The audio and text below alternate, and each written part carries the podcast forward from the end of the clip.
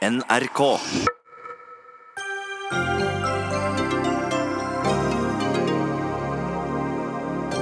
Kripos er bekymret for tunge kriminelle som etablerer seg i arbeidslivet, og kaller det for mafialignende tilstander i Norge. Arbeiderpartiet sier Høyre ikke har gjort nok. Regjeringen bør oppfordre strømmegigantene HBO og Netflix til å tekste på nynorsk, mener Norges Mållag. Overhodet ikke noe for toppolitikere, svarer Frp. Og nye fosteravvikprøver styrker kvinners mulighet til å bestemme over egen kropp, mener Sosialistisk Ungdom. Og det blir det samme som å vedta et sorteringssamfunn, ifølge Kristelig Folkepartis Ungdom.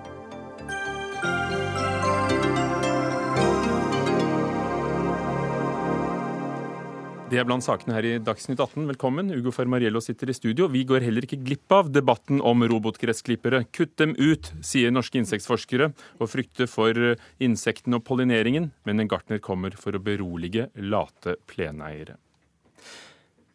Kripos slår altså alarm om mafialignende tilstander i Norge, og sier at tunge kriminelle miljøer har etablert seg i arbeidslivet. Det er lederen for taktisk etterforskning i Kripos som sier dette til ABC Nyheter. Dette er nettverk som tidligere drev med omsetning av narkotika, men i dag er tungt inne i flere bransjer, ifølge politiet, ofte for å hvitvaske penger. En rapport arbeidslivs, om arbeidslivskriminalitet fra Samfunnsøkonomisk analyse viser at det offentlige taper 28 milliarder kroner i året på ulovlighetene. Det handler om svart arbeid, sosial dumping og ulike seriøse aktører som ikke leverer det de har sagt de skal. Dag Terje Andersen, stortingsmann fra Arbeiderpartiet. Dere mener Høyre og regjeringen ikke har gjort nok for å bekjempe dette. Hvor skorter det? Nei, Vi har vært opptatt av denne problemstillinga faktisk helt fra vi hadde regjering sjøl og la fram tre handlingsplaner den siste eh, perioden vi hadde regjering, og den eh, fjerde faktisk rett før vi gikk av.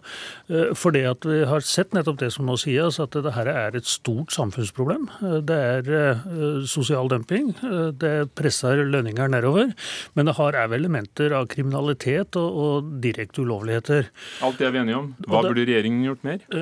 De burde gjort mer i, forhold til det som Byggenæringens Landsforening, som jeg vet skal være med i debatten, og Fellesforbundet i, felles, i fellesskap har lagt fram, nemlig en plan som heter Enklere å være seriøs, som nettopp handler om tiltak for å kunne avdekke og straffe kriminalitet.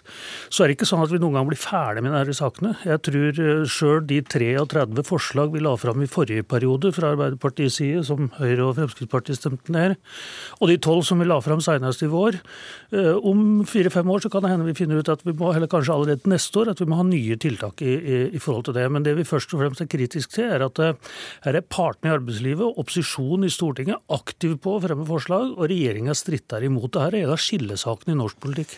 Heidi Nordby Lunde, stortingsrepresentant fra Høyre. Vi er enige om at kriminalitet er en uting. Politiet sier det blir mer av det i arbeidslivet. Stritter dere imot tiltak? Nei, vi gjør ikke det. Men jeg er i det store hele enig med Dag Terje Andersens analyse og det han sier at det er problematisk. Og Det er derfor også at vi, denne regjeringa har gått fra handlingsplaner til faktisk handling. Fra f.eks. null arbeidslivskriminalitetssentre til syv i løpet av de siste fem årene. Strammet inn på lover og reguleringer. Økt strafferammene. Gitt mer myndighet til Arbeidstilsynet med mer. Så jeg mener at vi faktisk er på ballen. Og så man, så utvikler av og til kriminalitetsbildet seg litt fortere enn det vi klarer å, å levere, som Dag Terje Andersen også var, var, inne på. Men jeg mener vi leverer godt innafor. Og disse sentrene du nevnte, det er altså samarbeid mellom politi, skatteetat, Nav og andre for å avdekke arbeidslivskriminalitet. Og det, det er vel noe du støtter? Absolutt, og det er helt nødvendig at de samarbeider. og Det var noe vi starta med under vår forrige regjering, å få til det samarbeidet tettere. For det er klart at skal du ta kriminalitet, så må de kunne samarbeide. Derfor så har vi f.eks. vært utålmodige i forhold til å justere loven sånn at, at taushetsplikt ikke skal være til hinder for at Nav får greie på hva som politiet vet om ulovlighet osv. Det er blant de forslag vi har lagt fram, for det ville vi gi verktøy til kontrollsida her. Det aller viktigste er i frontlinja i det her her, er et organisert arbeidsliv.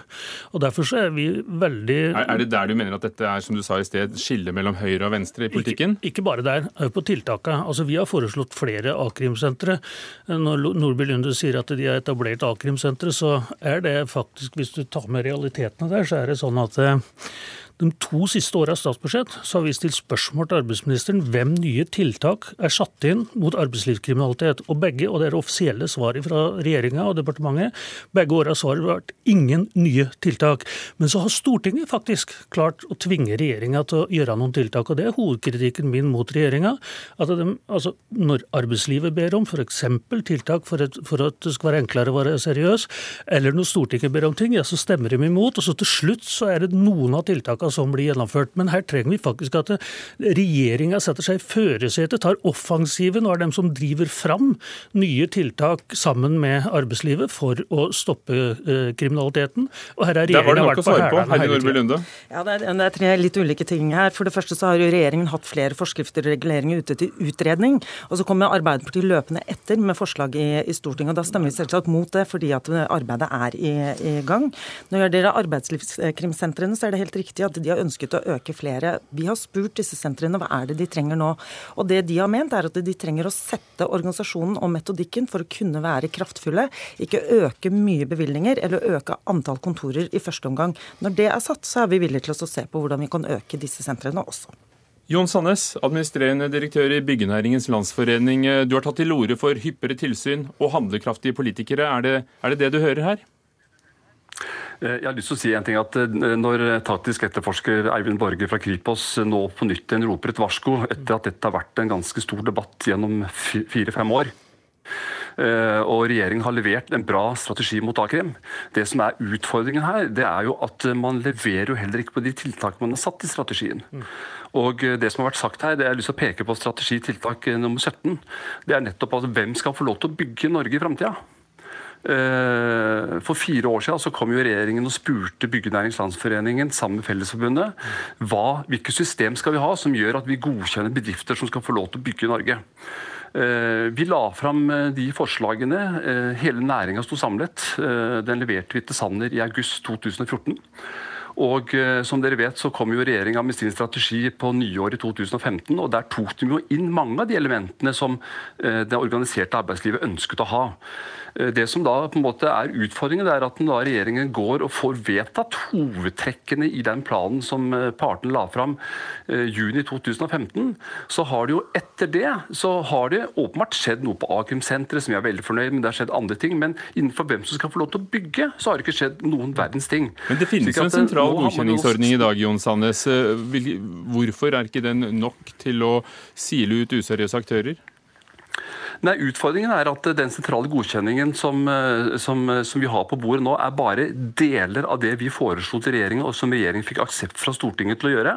Slik at uh, I dag så har jo den sentrale godkjenningen såpass liten credibility ute blant bedriftene, så færre og færre ønsker å være i den. slik at Nå har jo da regjeringen valgt å sette ned et ekspertutvalg som skal da jobbe ytterligere ett år, og så skal Stortinget bruke ett år til på å prøve å vedta uh, hvem som skal få lov til å bygge. og Da har altså gått seks år siden vi ba ble bedt om av regjeringen å komme med forslag. Og Det som jeg på en måte er kritisk til her, det er at eh, når, når vi blir bedt om å komme med forslag Vi greier å samle næringen og greier å samle partene. Så bruker man altså så lang tid på å vedta det som også Stortinget ønsker at regjeringen skal gjøre. Og, uh, men, men mener du, jeg avbryter deg litt, for jeg tror vi fikk det poenget, men mener du at det, slik som det er i dag, det har medvirket til at flere useriøse og rett og slett kriminelle aktører kan uh, maskere seg som helt legitime fine bedrifter? Ja, det er åpenbart. Fordi du kan si Det systemet vi la fram, var et system som skulle være digitalt, transparent, åpent, enten du var i proffmarkedet eller rehabiliteringsmarkedet. Når, det, når, de systemene da ikke blir prioritert og jobbet med, selv om jeg skjønner at det må jobbes på tvers av flere departementer, men det har ikke blitt prioritert. og Dermed så har man jo ikke transparente digitale systemer. Og ok, Nordby Lunde, annet, jeg, jeg, avbryter deg litt for at vi skal få med så mange poenger som mulig. Nordby Lunde har ja. ikke lyttet nok til, til næringen. Dette er jo 80 milliarder kroner bruker vi på oppussing oppussing i året. Så, så, det er mye penger det potensielt dreier seg om. Ja, og som sagt, altså, vi lytter til næringen. Og som Sanne selv påpekte, vi tok inn også mange av de forslagene som ble lagt på bordet. Men så er det jo også slik at når vi skal innføre lover og reguleringer som ikke bare berører én bransje, men kan berøre veldig mange, så er det flere hensyn enn bare til BNL og Sannes egne medlemmer som vi må ivareta. Det har vært mange gode forslag, eller interessante forslag, om endringer av lover og reguleringer som påvirker langt utenfor de bransjene som er berørt. Så hvilke hensyn har dere ivaretatt? Kan, og det kan kvele andre deler av næringslivet. og Det er litt viktig å huske på, på, det også. Men så er det også riktig at vi har stemt ned Arbeiderpartiets eh, forslag når de går lengre enn det f.eks. Rødt foreslår. F.eks. For i franchisesaken, som ville lagt ned Rema-kjeden eh, omtrent over, over, natten. Vi eh, stemmer mot når vi allerede er i gang med å arbeide med forslagene. Og vi stemmer mot da vi faktisk er uenig, som å innføre kollektiv søksmålsrett fordi det er et brudd på de sivilrettslige prinsipper om at den enkelte skal samtykke til at egen sak reises. Så er helt riktig at vi stemmer mot, men jeg mener at vi har godt belegg for å gjøre det, og vi kommer fortsatt til å gjøre det. Kunne dere eh, funnet felles grunn for en del ting? Altså, vi har hatt store pensjonsforlik, vi har hatt andre store forlik her. Mm. Eh, må, må dere ri prinsippene? Nei, Absolutt ikke. Og, Det er nettopp den bekymringa som Sandnes skal uttrykk for, som jeg prøvde å gi uttrykk for innledningsvis. her, at Én ting er hva som sies, det kan være pent noen ganger. Eh, men vi hører jo her mange, mange eksempler på hvorfor en ikke skal gjøre noe. Altså Eksempler som Nordby Lunde trekker fram. Vi stemte mot det og vi stemte mot det, eller altså Høyre. Men fordi det var eh, men, mange hensyn å ta, som sivilrettslige prinsipper, uh, andre deler av næringslivet? Vi er uenige om de sakene, men la oss holde oss til det byggenæringa bl.a. nå er opptatt av, som gjelder altså det sentrale registeret, det er et veldig godt eksempel. For det er relativt uproblematisk å innføre. Men der har det altså gått flere år der vi har vært utålmodige, der eh, arbeidsgivere har vært utålmodige, der eh, lønnstakerorganisasjoner har vært utålmodige.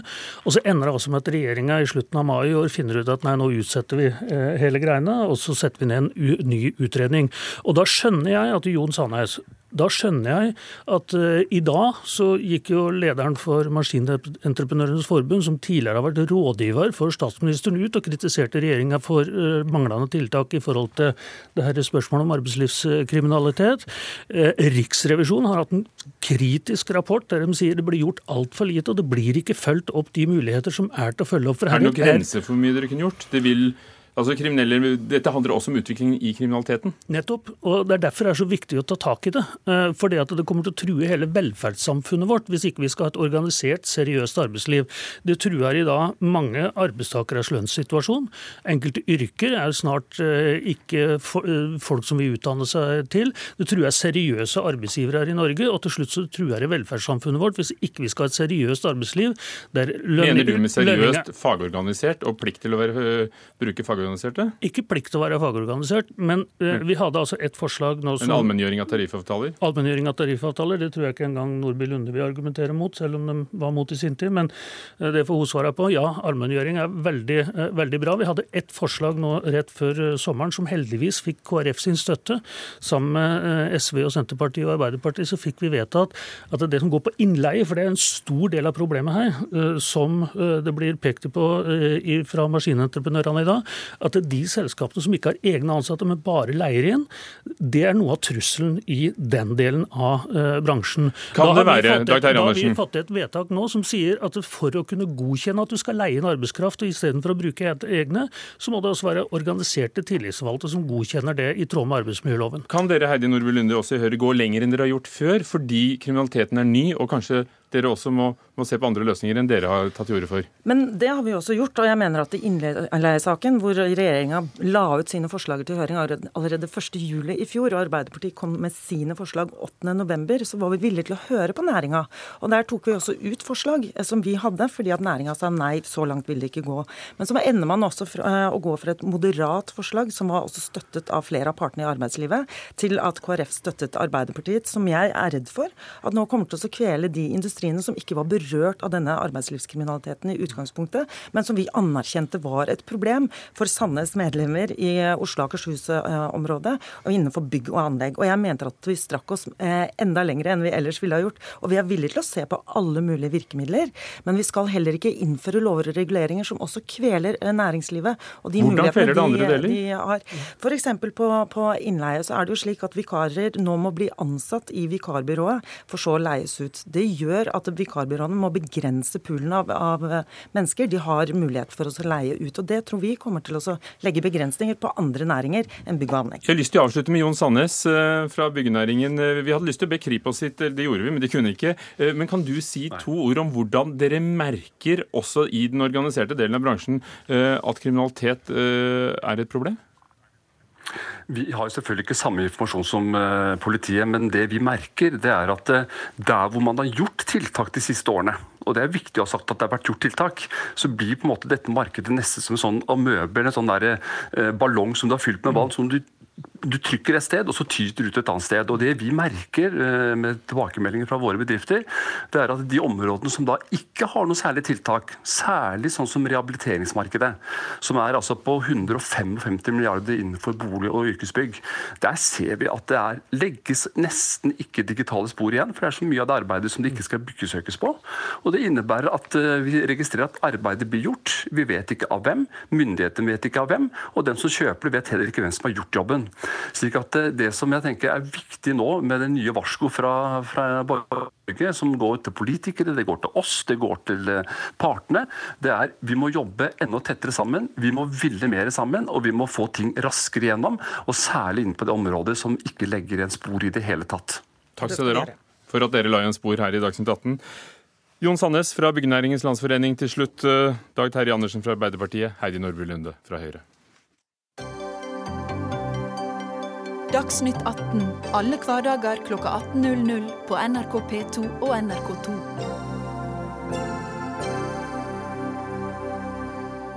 Den tidligere grenseinspektøren Frode Berg, som er siktet for spionasje i Russland, fikk eh, to måneder til i varetektsfengsel. Berg sitter i det russiske høysikkerhetsfengselet Lefortov. Eh, det er etter at han ble pågrepet i Moskva 5.12. i fjor av FSB, det russiske sikkerhetspolitiet, og det var fengslingsmøte i dag. Strafferammen eh, for spionasje, som han er siktet for, er på minst ti års fengsel. Brynjulf Risnes, eh, du er Frode Bergs norske advokat. Hvordan har han tatt dagens nyhet? Det virker som den har tatt det bra. Altså, det er litt sånn når man får dårlige nyheter skal si, konstant over en lang periode, så blir man glad hvis det kommer noe annet. Og dagen i dag var jo prega av en mer optimistisk tone. For det første så ble jo varetektsperioden kortere enn tidligere, og kortere enn forventet. Altså ikke tre måneder, men to. Men det viktigste var jo det hva hovedetterforskeren sa i retten i den forbindelse. For han sa da at man regna med å avslutte etterforskningen av hele saken i løpet av disse to månedene. Det vil si altså at i september så regner man at saken skal sendes over til retten. Og det tyder i hvert fall på at man fra russisk side nå har tenkt å avslutte saken og, og sende den til domstolen. Og det ser vi som positivt, fordi vi ser at det er ikke noen annen ende på denne saken før eh, etter at en, en, rettsprosess er gjennomført. Altså Han vil ikke bli løslatt før eller under rettsprosessen. Det er først etterpå at det kan være aktuelt å få han tilbake til Norge. Sånn, For da må han eventuelt bli benådet, og du kan ikke bli benådet før du er dømt? Er det sånn? Ja, og det finnes også andre varianter, soningsoverføring og, og, og, et par andre muligheter man kan prøve også. Men uten denne dommen får man det ikke til. Og så er det også det at uh, all erfaring viser at russerne, i hvert fall hvis de mener at de har en god sak, veldig gjerne ønsker å gjennomføre en rettssak og vise verden hva, hva skal si, motparten har gjort da. Dette, dette, ser vi i en god del saker tidligere. sånn at det å unngå en rettssak virker illusorisk. VG skriver at hans russiske advokat, din kollega, møtte Frode Berg. Hvordan, hvordan har han det? Berg? Jo, han, som sagt så, så tok han dette veldig positivt, det han har fått høre nå. Og fordi men soningen i fengsel, hvordan foregår det? Soningen er relativt bra. altså skal si, Dette er et høysikkerhetsfengsel. Det kalles jo ofte FSB-fengselet, fordi det er stort sett klienter i anførsel av FSB som sitter der. Det betyr at det er et veldig høyt sikkerhetsnivå, men hva skal si, de humanitære de, eh, forholdene er, er gode. Sånn at uh, han har det etter måten bra i fengselet.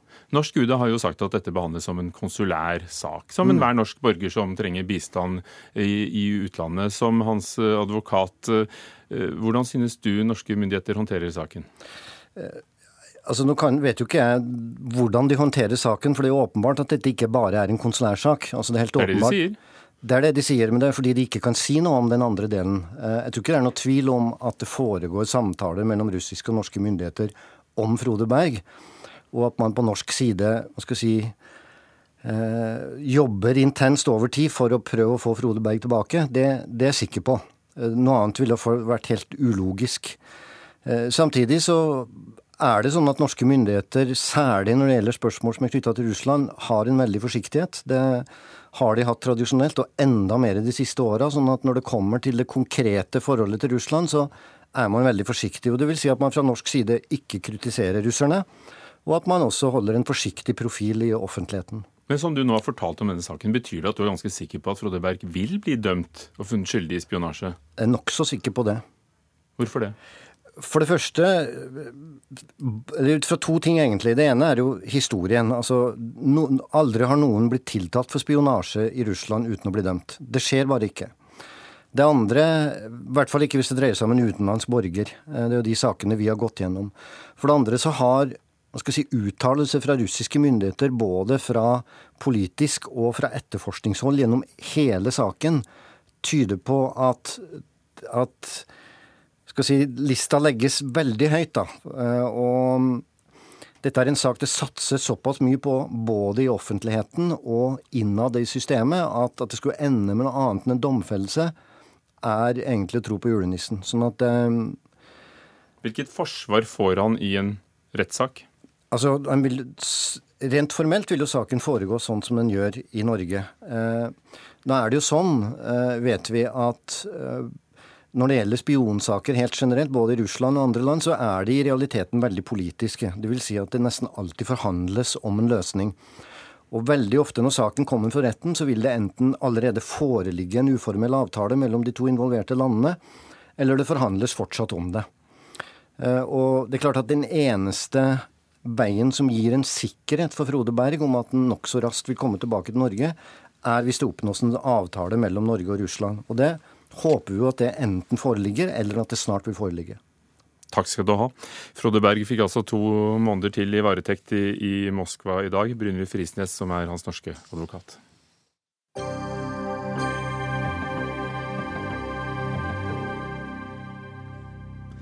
Savner du nynorskteksting når du ser en favorittserie gjennom strømmetjenester som f.eks. HBO eller Netflix? Du er ikke alene.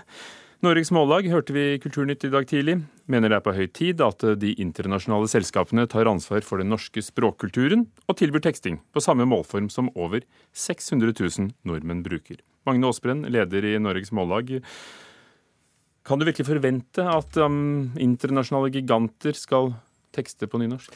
Ja, jeg tror at internasjonale giganter har sansen for å tjene penger, og har det vi jo da vet, er at det er 600 000 nynorskbrukere i dette landet, og alle i Norge er vant til å se nynorsk tekst på TV her hos NRK.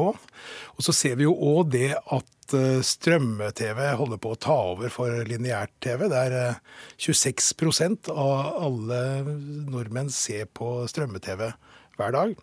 Og da syns vi at eh, spesielt HBO bør passe på nå, fordi nå er det da sånn at uh, bokserien til Elena Ferrante med, om mi briljante venninne er uh, på beddinga og skal komme i HBO.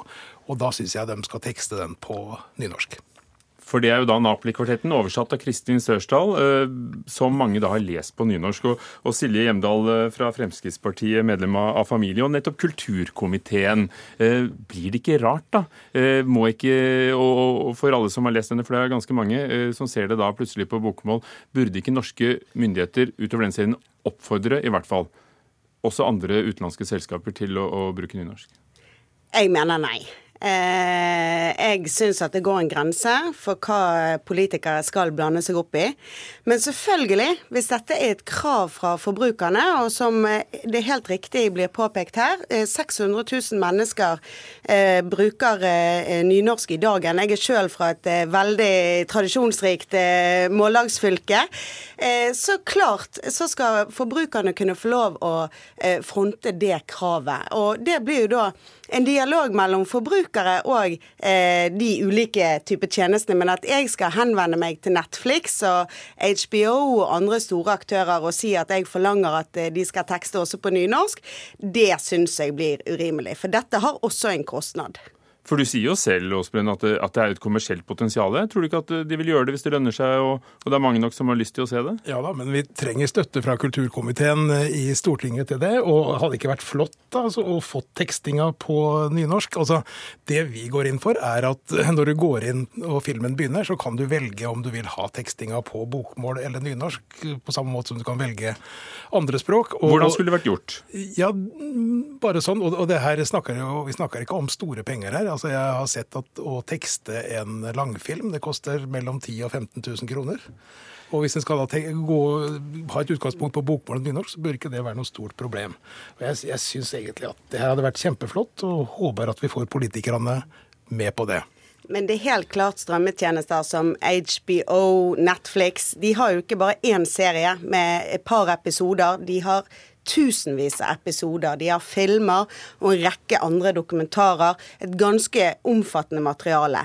Eh, og nettopp derfor så syns jeg at det er det som er forskjellen. Altså, jeg og Fremskrittspartiet er absolutt for valgfriheten, også for Netflix og HBO. Om de ønsker å tilby sine forbrukere denne tjenesten, skal jeg helhjertet støtte det. Men, Men de har jo også seks av ti av oss nordmenn som abonnenter nå. Ja. Uh, og, og, dere driver jo, dere i kulturkomiteen, med nettopp kulturpolitikk.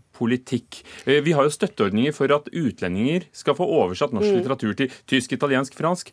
Hva med en støtteordning uh, for at nordmenn skal kunne få oversatt utenlandsk til hvert sitt målform? Akkurat som det er pålagt å ha en blankett på nynorsk. Fremskrittspartiet er jo et parti som er for eh, valgfrihet, og vi mener jo også det at man bør kunne få lov å velge målform bl.a. I, i skolen. Men da må det være noe å velge i? Nei, men dette blir jo noe helt annet. For dette er private aktører. Og hvis jeg skal gå inn og regulere hvordan de skal bruke pengene sine, det er der det blir feil. Men om de ønsker å bruke pengene sine på dette, og forbrukerne da strømmer til tjenesten, så vil jo de også kanskje tjene mer penger. Men jeg tenker at eh, hvis det er da 600 000 potensielle eh, kjøpere av tjenestene, Kanskje du skal samle de, sende et uh, felles brev uh, og oppfordre de til å gjøre dette, men at det er politikerne som skal lage noe påbud uh, eller andre regler for hvordan man skal gjøre dette, det har jeg ingen tro på. Det, det blir noe helt annet med NRK. Det er faktisk en, en, kanal som er betalt av skattebetalerne, og som er for skattebetalerne. Skulle til å si det, kan, kan, du vente, en. Kan du vente det samme, Åsbrenn, av, av helt private aktører? Ja, ja, det vi vil ha, det er jo valgfrihet, som du snakker om. Og det er en så liten kostnad til det at jeg tror at det er veldig lite som skal til. Men ville du hatt en støtteordning, f.eks., som ja, vi har altså, for norsk litteratur til utenlandsk, f.eks.? Jeg, jeg syns en kunne begynne med det, at politikerne kunne tenke på en sånn støtteordning. i og med at vi altså... Så det er det skattebetalerne som skal betale? I, i, i, og med at vi altså snakker om såpass små kostnader, og uh, i forhold til veldig mange andre ting som programlederne var inne på, som støtter opp om norsk kultur, så syns jeg det her er veldig lite og veldig billig. Og jeg kan jo begynne med en del av tilbudene på disse her uh, kanalene. Men ville du da tatt penger fra f.eks.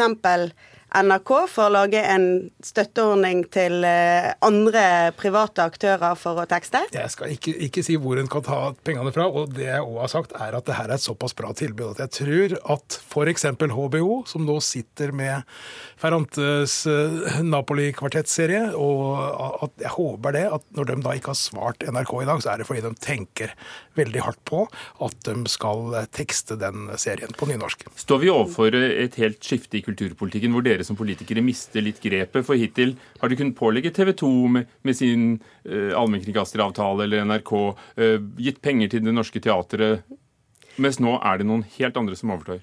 Ja da, vi har et eh, veldig flott eh, nynorskteater. Vi har Hordaland eh, teater i min by, som eh, kun har forestillinger på nynorsk. Et helt fantastisk eh, teater. Vi er inne på mange måter å støtte. Men det er jo nettopp det som er forskjellen her. At Fremskrittspartiet er et parti som mener at faktisk kulturen er fri. Politikerne skal i bunn og grunn ikke gå inn og regulere for mye hva gjelder natur. Eh, nei, kultur. Beklager. Nei, kulturnatur. Ja. For paradokset er jo at du som snakker ganske tett opp til nynorsk, går inn for ikke å støtte, mens du som snakker ganske tett opp til bokmål, Magne Aasbrenn, gjerne vil ha støtte. Jeg Hvordan ble det sånn? jeg preker Østfoldmål, og, og den meddebattanten snakker si dialekt. Og hadde det ikke vært for nynorsken og Ivar Aasen, så hadde vi vel prøvd å snakke pent eh, alle sammen her. Så det, er vi, ja, jeg tror vi er enige om, at nynorsken Ja, er er, er en verdi, og nynorsken er på en måte støtte for alle de norske dialektene. Magne Aasbrenn, hvordan tror du TV-fremtiden ser ut når folk ikke lenger ser på Dagsrevyen klokken 19, men hva de vil, når de vil, fra private?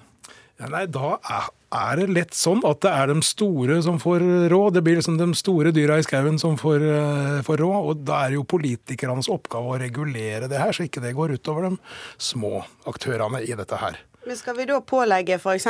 politikere, reportere å, å skrive nynorsk, eller eh, å snakke på en spesiell måte, en spesiell dialekt? Det blir jo litt farlig det der i det du skal inn og regulere hvordan folk formulerer seg. For språket har jo også endret seg over tid. Eh, Det er jo Ivar Aasen et veldig godt eksempel på hvordan det nettopp har skjedd. Eh, Så jeg tror man skal være litt forsiktig med å inn og regulere for sterkt dette. Og det er nettopp det som er mitt poeng. Her må aktørene ha friheten selv. hvor mye ønsker du av regulering?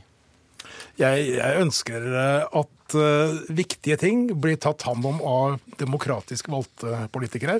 Og det her ser jeg på som en ganske viktig ting. Altså Når en nynorskbruker går inn på Netflix eller HBO, så skal du kunne velge bokmål eller nynorsk. Men det ordnet seg på internett etter hvert. Det kom dataprogrammet på nynorsk, det kom Wikipedia på nynorsk. Du tror ikke du kan se det samme her etter hvert? Jo, jeg håper det. Vi har jo Facebook på nynorsk, f.eks. Det var en kamp. Vi har ikke gitt oss. Takk skal dere ha, begge to. Magne Aasbrenn, leder i Norges Mållag, og Silje Hjemdal fra Fremskrittspartiet på Stortinget.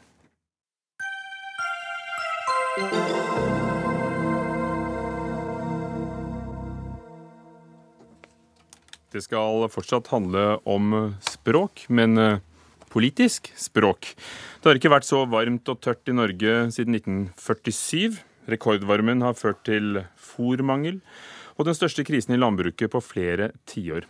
Eksperter peker på klimaendringer. Annet eh, en forsker fra Meteorologisk institutt pekte på sammenhengen over tid her i Dagsnytt 18 for eh, et par uker siden som en mulig element og forklaring på været som er. SV peker derimot på Venstre for det de mener er en svak klimapolitikk. Arne Nævra, stortingsrepresentant for eh, SV og, og kjent naturfotograf, eh, hvis noen lurte på hvor de hadde sett deg før. Hvorfor mener dere at regjeringen har sviktet når det kommer til været? Altså, Regjeringa har jo eh, heller ikke med Venstres hjelp gjort noe, tatt noen vesentlige grep. De har altså ikke klart å oppfylle det målet de hadde for 2020. Det har de gitt opp for klimagassutslipp. Og Jeg hadde jo håpa at Venstre skulle gi en grønn signatur når de kom inn i regjeringa, men det kan jeg ikke se at de har gjort. De har altså ikke fått eh, til nesten noe som helst. De har ikke fått noen grønn signatur heller etter Jeløya-plattforma. Så kan man si da at eh, ja, da går det som før. Da, da bærer det galt av sted. Og hvis det er sånn da at La meg eh, stille på en annen måte. Har regjeringen, slik den er sammensatt nå med Venstre som klimaminister, har de skylden for tørken og varmen? Nei, altså det, dette er noe som har skjedd over lang tid. Poenget er at de må sette på bremsene for klimagassutslippene. Så de har jo et delansvar, et lite delansvar. Men de kunne ha påvirka bedre, og det har de altså ikke gjort. Men eh, Venstre kalte jo også oss for klimapopulister. At vi på en måte hang oss på været, og brukte altså tørka som en knagg for å ta opp klimaspørsmål. Og det syns jeg er merkelig. Altså Folk skjønner jo ikke antall tusen tonn med CO2 eller PPM og sånne ting. Vi er jo nødt for å bruke det folk ser i hverdagen. De ser flom, de ser tørke, og det er det vi må ta fatt i. Kjetil Kjenseth, eh, stortingsrepresentant fra Venstre. Ja, du, du har snakket om panikkpopulisme fra SV. Har dere gjort for lite eh, etter at dere kom i regjering? Eh, Venstre har gjort en stor jobb over lang tid. Vi kan starte tilbake i 2003, da elbilpolitikken eh, ble etablert. Da satt også Venstre i regjering og hadde samferdselsminister Tore Skogsholm. Den har vi brukt 15 år på å utvikle, og nå nærmer vi oss at 40% av nybilsalget eh, er elbiler. Og innen 2025 så skal alle, alle, alt nybilsalg i Norge null, være nullutslippsbiler. Det tar tid å etablere eh, tiltak og, og politikk som, som virker. Det syns jeg Arne Nævra og SV skal være ydmyke for. Og fram til 2030 så skal vi kutte 50% i transportsektoren i Norge. Hva har dere gjort etter Der, at dere kom i eh, regjering denne gangen? da? Hva sa du? Hva har dere gjort etter at, kom i, dere kom i regjering denne gangen? Eh, vi har jo fått til det, eh, å kutte 50% Det står i Jeløya-erklæringen. Uh, og Det er 10% mer enn det EU har satt seg som mål. Vi skal sammen med EU kutte 40% innen 2030. Det har vi vedtatt i Stortinget i vår. Uh, så var det litt pussig at SV ikke vil være med på den internasjonale dugnaden som det er, er sammen med EU. Jeg vet ikke om de satser på, på Russland og, og, Trump som sine allierte. Men, men, i tillegg så har vi altså fått til en grønn, grønn skipsfart. 60 null- og lavutslippsfartøyer er nå på vannet i norske fjorder. Vi har bevilga mer penger til karbonfangst eh, og -lagring, og vi eh, etablerer en CO2, eh, flat CO2-avgift. Fornybar AS er, er etablert. Meteorolog Siri Kalvig er ansatt som direktør. Og oljefondet skal inn i fornybar. Det er vel også noe SV er enig i. Bare, før, vi gjorde til, masse, bare men, før vi gjorde til Nevra, hva var det som var etablert med Siri Kalvik som sjef, sa du? Fornybar AS, som, som skal jobbe med investeringer, men også teknologiutvikling for å, for å, realisere de teknologiene som skal til for å få til de store utslippskuttene. Nå er smørbrødlisten så, så lang at jeg tenker at vi gir ordet til Arne Nævra. Du ser likevel oppgitt ut. Ja, nei da, jeg smiler litt, jeg ja, da. Jeg syns jo det er morsomt å bruke elbilinnfasinga som en slags sånn kreditt til Venstre. Altså Dette er noe som skiftende regjeringer har gjort. Vi satt jo tross alt åtte år i regjering eh, her, og da gikk jo også nybilsalget på elbiler opp voldsomt. vet du. Så dette her er noe vi er enige om, Venstre og SV. Vi har prøvd å jobbe på hver vår blokk. For det er jo ikke bare nullutslippsbiler, det er jo nullmoms og nullskattbiler. Det er masse å ta i bruk her. og det er, altså, vi hadde, eh, første vi gjorde i fjor høst, det var å legge fram et forslag på eh, over 40 punkter som Kjenseth kunne ha blitt med på for å få nådd målet for 2020. Men det er så mye lettere for Venstre og de andre partiene å skyve dette ansvaret ut til 2030. Det er flere stortingsvalg seinere. Men Hvorfor vil ikke dere være med på, på forpliktelsene sammen med Nei. EU for å ta det poenget? Nei, men altså, Vi er jo med på like store målsettinger. At vi tar igjennom EU. altså Om vi er enige med EU eller om vi tar igjennom EU, det er to forskjellige ting. Vi er jo i fakta Eh, går vi inn for sterkere krav enn det EU går inn for. Vi vil jo ha dette her gjort innen 2020 i stor grad. Men Kjenseth, eh, mm, populisme, skjønner du, for, for, å ta ordbruken her, du, du kaller det populisme, mm. men er det ikke noe med å, å, gripe anledningen og få folk til å forstå det man ikke skjønner hvis man bare ser tall? Jo, da er det verre, men jeg kalte det for panikkpopulisme. Uh, og det er ingen som har brukt stormen på Vestlandet som argument for at nå må vi eh, rushe fram tiltak i Norge. Vi har satt en målstrek i 2030 der vi skal kutte 40% Vi må ta de tiltakene pø om pø. Vi skal også ha med folk eh, og innbyggere i Norge på de store endringene som må til. Eh, og det er altså ikke alle som er i stand til eller skal skifte ut bilen sin akkurat nå, som ett eksempel. Så må vi også gå litt tilbake i tid. for når SV satt åtte år i regjering, så innførte en altså et hvileskjær innenfor forskning. Eh, det har kosta oss dyrt, for det, da mista vi store muligheter til å drive forskning og utvikling som hadde kommet klimaet til gode så stoppa eh, SV og den rød-grønne regjeringen eh, biodrivstoffproduksjonen i Norge effektivt ved å gjeninnføre veibruksavgiften på biodiesel. Eh, dermed så, så, står vi i en skvis om å bruke en del importert biodrivstoff. Men Venstre har også fått til målsettingen om, kjøtt, om 20% altså- innblanding innen 2020. Altså, det er så mye å si her, Kjenseth. Altså, du kan lage lang Så brukte SV masse milliarder på en vannraning. Det er kosmetiske endringer. Altså, det jeg la merke til fra sidelinja til å begynne med i valgkampen, og så seinere, så er det jo sånn altså at den, de blå-blå var verst, og så skulle Venstre komme inn og så ordne opp litt. Grann. Og um, Så la jeg merke til, da det lukta uh, regjeringssamarbeid uh, med Venstre, så var det sånn at du skjærte ned på en del punkter, en del poster i statsbudsjettet. Og så kommer Venstre inn og heiser noen av de postene, nærmest som en slags sånn innvitt til Venstre, og det gjorde dere. Og da er begge fornøyd, og jeg syns nesten jeg ser Erna på bakrommet, jeg som sier at nå er vi på plass igjen. Du anklager dem for spillhistorie. Ja, altså, de ga 6,5 millioner til tiltak for gående og syklende, ikke sant? Også, Nei, hallo. Men så det var mange er. Kjenseth, eh, er det politisk taktikkeri dere har bedrevet? For all del. Altså For første gang i Norges historie så er eh, i en transportplan så er kollektiv og tog på 50 Eh, og den er jo heva som er den høyeste noen gang. Det viser jo hvilken enorm satsing vi gjør på nettopp eh, å få ned få eh, folk til å få et alternativt tilbud. Men du avviser det, det han beskyldte dere for, altså at, at, det ble skåret ned på budsjettene for at dere skulle heiste dem opp? Hva vil altså, du si til det? At vi driver med klimakosmetikk, det er jo det er drøye påstander som Nevra her kommer med. Det jeg er opptatt av nå, når vi står i den situasjonen her altså Vi hadde tilsvarende tørke på 1940-tallet. Det her har skjedd før. Det her har også med klimaendringer å gjøre, og det er vi enige om, både Venstre og SV. Men det vi bør, bør, bruke og rette oppmerksomheten på nå, det er også klimatilpasning. For det, det her er et fenomen som antagelig ikke kommer til å være knytta bare til 2018.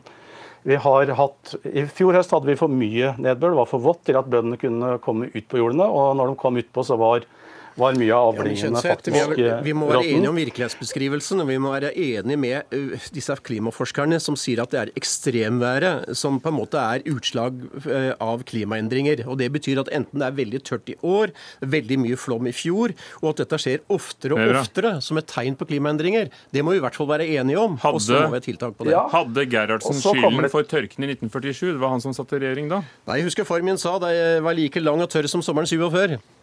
Og det er klart at sånne år vil inntre.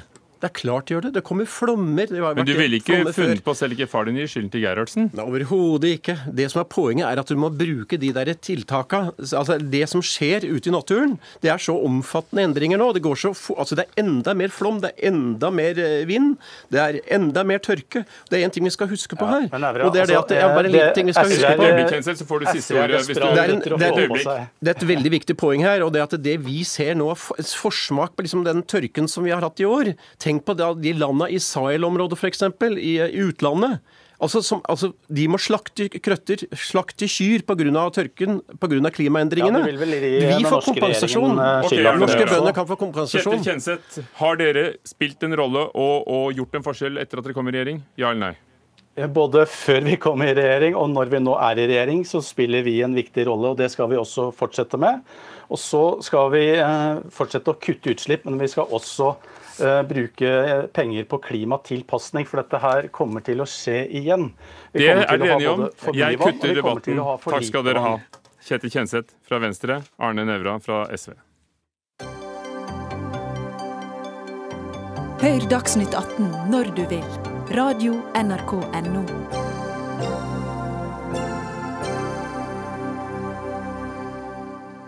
Det har gått en debatt den siste uken. Det har vært i NRK, på VG, NTB overalt om robotgressklippere. Ikke bruk dem, sier norske insektforskere. De ødelegger for artsmangfoldet. Men derimot så gir det jo folk anledning til å ha pene, velfriserte plener eh, utenfor eh, husene sine. Men er det så enkelt? Er det ikke noe godt ved dem? Mari Steinert, eh, stipendiat i økologi ved NMBU. Du skriver doktorgrad om pollinerende insekter. Hvorfor er disse automatiske gressklipperne så ille for insektene? Altså, eh, Robotgressklippere de går jo hele sommeren. Eh, man kan sette de på og la de bare klippe og klippe. ikke sant? Og da blir gresset ganske kortklipt. Det kan se pent ut, men du klipper også vekk alt av småblomster som du ellers kunne hatt i hagen. Eh, og det er ikke så veldig bra for et biologisk mangfold, hvis du ønsker å ha det i hagen din. Er det stor forskjell fra en som er litt flink med den vanlige gressklipperen og holder det pent? Ja, altså med en vanlig manuell gressklipper så kan man jo velge når man klipper. Og da kan man jo kanskje ta litt mer pause mellom hver gang man klipper, og la det gro til litt og se hvor det dukker opp ville blomster, og la de stå f.eks. i noen kantsoner her og der. Og slik kan du da få litt flere insekter f.eks. i hagen din, enn om du bare lar en robotgressklipper gå hele tiden. Og selv helt uten å vente med vilje, er det vel mange som venter av latskap. Hvem bor i en litt for lang gressplen? Altså, eh, Det kan være mange slags insekter. Jeg er jo veldig opptatt av pollinatorer. og Det er jo sånn som eh, ville bier, humler, sommerfugler, eh, blomsterfluer og biller f.eks. Ja. Hvorfor trenger vi dem? Det er eh, Altså, insekter er noe av de viktigste Altså utfører noen av de viktigste oppgavene for oss mennesker. Og en av de er pollinering. Eh, pollinering av våre matvekster. Og det er vårt ansvar å ta vare på alle disse insektene for å sørge for en, et bredt mangfold av pollinerende arter i en fremtidig, ja, en fremtidig verden. Tor Småland, kjent gartner, tidligere slottsgartner ved Slottsparken i Oslo, forfatter av mange bøker, bl.a. en som heter nettopp 'På gress', som handler om å få plen grønn på denne siden av gjerdet. Er robotgressklipper en god ting? Det kommer litt an på hvordan du ser det. Altså, en robotklipper kan det sikkert stilles inn til å klippe akkurat når det passer deg, tenker jeg. Eh, men om det er en robotklipper, en elektrisk klipper eller en batteriklipper eller en, Men de fleste har den jo for at det skal være pent, ja, kort, fleste... velstelt hele tiden. Ja, jeg tenker at de fleste har det fordi de er litt late. Og det er latskap i en hage er for så vidt heller ikke noe dårlig egenskap, tenker jeg, å, å holde på med. Men jeg er helt enig i det at vi kan bli litt flinkere til å tenke på disse pollinatorene våre i hagelandskapene og i parklandskapene. Men jeg er ikke helt sikker på om det er liksom plenen de skal gå til angrep på. Jeg tror kanskje Hvor mye plen har vi i Norge? Jeg, tror, jeg har regna på det en gang og fant ut at det var en seks meter lang vei fra Lindesnes til Nordkapp. Og jeg tror jeg har rett i det regnestykket. Og det er kanskje nok plen, da. Som gartner, hva foreslår du til folk når de skal anlegge en hage? Jeg foreslår det at man kanskje kan redusere ned på dette plenarealet og heller plante inn flere vekster enn det man har tendens til å gjøre. Da. Altså vi ser Norsk hagekultur kan liksom stort sett bestå av en relativt sett flatklippa plen og en tøyahekk. Og det er jo ikke akkurat så veldig gøy. Eh, for tøyen er ikke så bra for de pollinerende insektene? er vel, Mari Steinert? Det er svært lite næring der. Altså, det, det, vi, det, vi, er opptatt av, er jo at uh, hvis man klipper vekk alle blomstene, så forsvinner også næringsgrunnlaget til veldig mange insekter. Og dermed også næringsgrunnlaget til mange småfugler og andre dyr som lever av disse insektene igjen. Ja. Er, er det en krise for pollinatorene i Norge? Ja, altså nå har vi sett eh, altså Det har vært en dramatisk nedgang i naturlige blomsterenger i løpet av de siste 100 årene. Eh, og vi ser også at det har vært en kjempestor nedgang i antall insekter. Eh, og også antall arter av insekter i løpet av de siste tiårene. Og dermed så er det også da ganske viktig at vi gjør tiltak, da. Eh, også at folk kan gjøre tiltak hjemme i hagene sine for å ta vare på insekter. Eh, hva kan det være? For hva hjelper det å ha en gartner som, som Småland som sier finn på noe annet, når, når villaeiere flest gjerne eh, steller i stand plen og, og kanskje en tøyhaug? Nei, man eh, jeg ville jo oppfordre kanskje, altså Dette med å ha en nydelig eh, grønn, velstelt plen, det er jo et kulturelt fenomen. Eh, at vi på en måte er opplært til å synes at det er det som er riktig å ha. Eh, kanskje man burde ha, få til en holdningsendring, der vi heller eh, ser til disse gamle, litt rotete hagene, hvor man lar ting vokse litt mer vilt. Og vi er jo veldig interessert i, De fleste som har hage med gressplen, har jo også bærbusker eller frukttrær. Og man er jo interessert i at det skal være insekter i hagen som også kan pollinere for å gi bedre fruktavlinger. ikke sant? Sånn at det, det kan være mange fine ting som kommer med det å slappe av litt og ikke klippes like ofte. Småland, du innførte jo 40 mål med, med, med blomsterenger midt i byen eh, da du var i Slottsparken. Eh, så det betyr jo at du, du selv eh, går jo litt imot det, det, du har oppfordret til i boken din, da, å få til pene plener? Ja, altså nå må jeg være litt forsiktig med denne romantikken knytta til blomstereng. Fordi, Men hvorfor gjorde du det? Jo, det var vel primært for å spare tid. Og for å spare diesel. Eh, fordi på våren, eh, når du setter i gang altså I motsetning til veldig mange andre kulturer hvor det er varmere i klimaet enn det det er i Norge, kanskje ikke akkurat nå, da, men normalt sett da, så har vi en voldsomt arbeidspress på våren hvor det er veldig mange oppgaver du skal løse. Og da er det greit at man får redusert ned plenarealet, så du får tid til å gjøre alt det andre du skal få i gang i en park eller i en hage. Så det er noe av begrunnelsen for hvorfor du slipper opp et areal for å få mindre, rett og slett tid, eller få mer tid da, til å gjøre andre ting. Men det er litt, er litt Det er jo det robotklipperen gjør, da. Da ja, kan du ligge i hengekøyen, ja, men, og, og, dessuten er den helt stille. Ja, det er jeg enig med. Men for å holde fast litt dette, dette eng, denne engbølgen som går uh, Det er ikke bare å slippe opp gresset, og så tror man at man får en eng. Er, en eng er langt mer komplisert å få til, og det tar tre, fem, syv, åtte år å komme i gang ordentlig med en eng. Uh, Men er det bare å slippe ut gressklipperen, robotklipperen, og så får du en pen plen? Nei, det er det heller ikke. fordi en, en, en sånn robotklipper, den, den, den, altså Måten den klipper på, skal ikke gå i detalj på det, da, men måten den klipper på, ender opp med at du til syvende og sist må ut med en jernrive og få rufsa opp alt det avklippet som ligger igjen i bånn av plenen. Så det er, det er, egentlig ikke noe smart. altså Man burde egentlig klippe med en oppsamler hvis man skal lage en ordentlig plen. Og plen er jo et fag, ikke sant. Eh, det er ingen, det er ingen eh, banemester som ville sluppet ut en robotklipper på en fotballbane. Fordi handler, driften av fotballbanegress det er, en, det, er et, det er, et, fag, det er en teknikk. Det handler om å samle opp gress, det handler om å rufse det til og gjøre det helt annerledes da enn det en robotklipper gjør.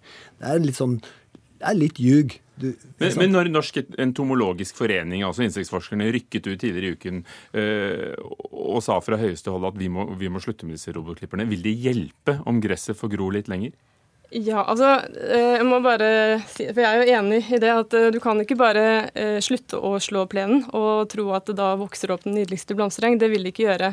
Veldig ofte så har man også gjødslet plenen, og det tiltrekker seg gressarter og også andre arter som, som, krever mye næring, og ikke nødvendigvis de vakre engblomstene. Da. Sånn at hvis man skal så blomstereng, så burde man kanskje fjerne gress, og også fjerne noe av det jordsmonnet som er der fra før av. Ja. Plen som statussymbol blir, eh, blir avskaffet? Nei, men det er på tide at vi kanskje tenker oss igjennom på at det, det fins veldig mange andre morsomme vekster der ute enn denne plenen, rett og slett.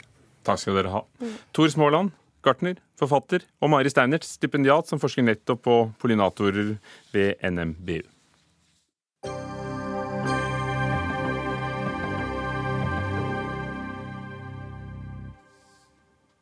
Hvis en gravid kvinne vil finne ut om fosteret hun bærer på har en sykdom, så er ikke det bare lett. Hun må selv søke om fostervannsprøve, og bare da med den økte, hvis det er økt risiko for avvik, og det kan være en høy alder eller arvelig sykdom, eh, da får hun prøven i Norge. Dette vil Sosialistisk Ungdom gjøre noe med, og har eh, åpnet for at alle kvinner skal få tilbud om en blodprøve som gir informasjon om eventuelt eh, avvik, eh, mens de fortsatt kan ta abort uten å søke om det. Dette er vedtatt på landsmøtet i SU. Testen kalles NIPT og kan bl.a. finne ut om fosteret har trisomi, altså som kan lede til forskjellige eh, syndromer, f.eks. Downs syndrom. Andreas Schall Gunneland, leder i Sosialistisk Ungdom. Hvorfor vil dere at Norge skal kunne tilby den testen til alle kvinner? Det er fordi at når vi får denne nye teknologien som kan gi eh, informasjon til kvinner, så mener vi at det er positivt. Eh, nå har man fått den utviklingen at teknologien eh, går fremover. Nå tilbys dette her til en liten gruppe kvinner. Vi mener at den heller skal tilbys til alle som ønsker det. For det kan være ganske mange ulike grunner for at kvinner nettopp vil ha dette. Det kan være at de bærer på mye usikkerhet. Det kan være at de ønsker å tilpasse seg om det skulle være noen komplikasjoner eh, eller muligheter for avvik med fosteret. Og vi mener at jo mer informasjon du har, jo bedre valg kan du også da ta. Martine Tønnesen, leder i Kristelig Folkepartis Ungdom. Eh, hva frykter du ved et sånt forslag? Ja, Det jeg frykter, er jo sortering. Eh, det er det korte svaret på det. Eh, nå har også SU vedtatt at eh, man skal gi alle gravide kvinner mulighet til å lete etter avvik hos fostrene sine, eller fostre som de bærer på. Og deretter skal de avgjøre om man skal fullføre svangerskapet. Altså snur man hele greia på hodet og sier at man ikke skal bære fram et barn dersom man ikke vet at det barnet er friskt. Og det mener jeg setter menneskeverdet på prøve, setter menneskeverdet til side. Og mitt spørsmål da blir jo hva slags samfunn der SU ser for seg at man skal ha.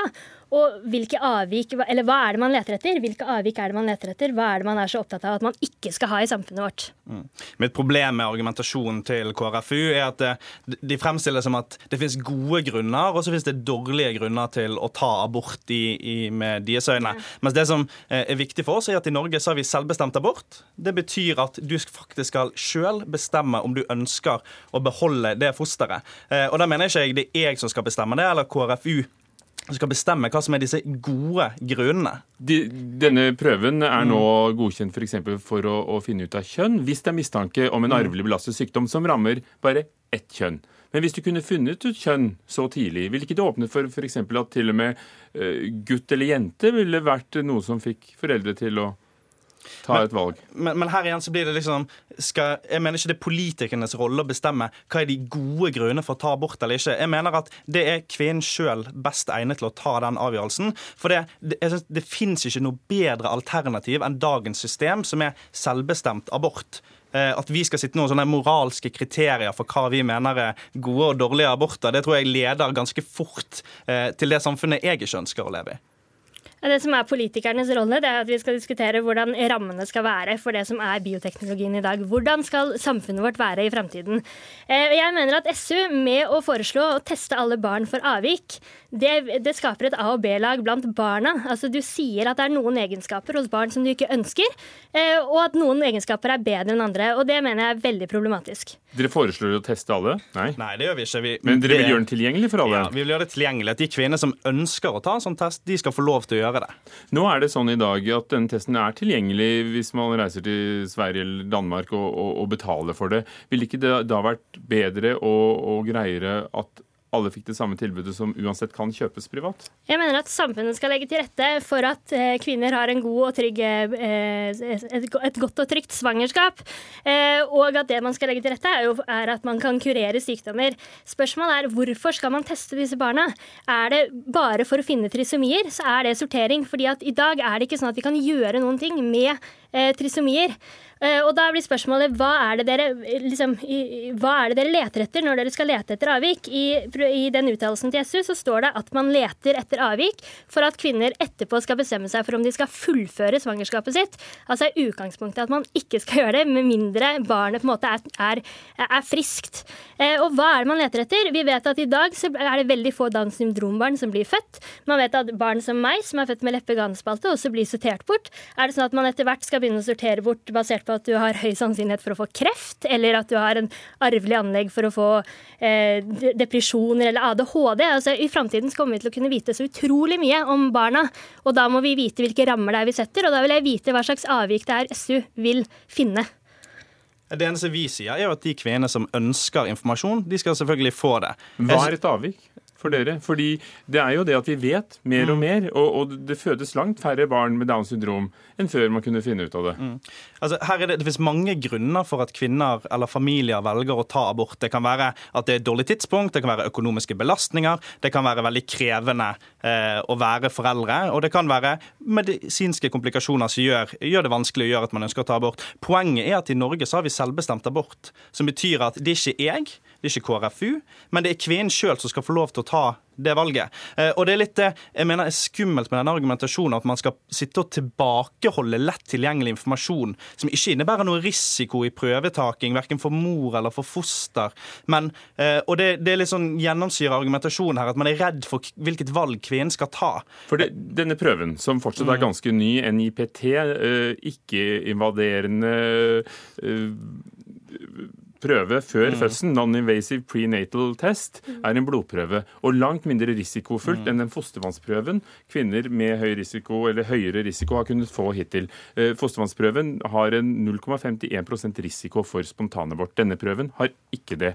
Eh, Og siden kvinner i dag kan få eh, denne prøven etter tolvte uke og få innvilget abort, kan det ikke like gjerne spares for den risikoen? Jeg har full forståelse for at eh, kvinner velger å, velger å bruke de testene som de får tilbud om.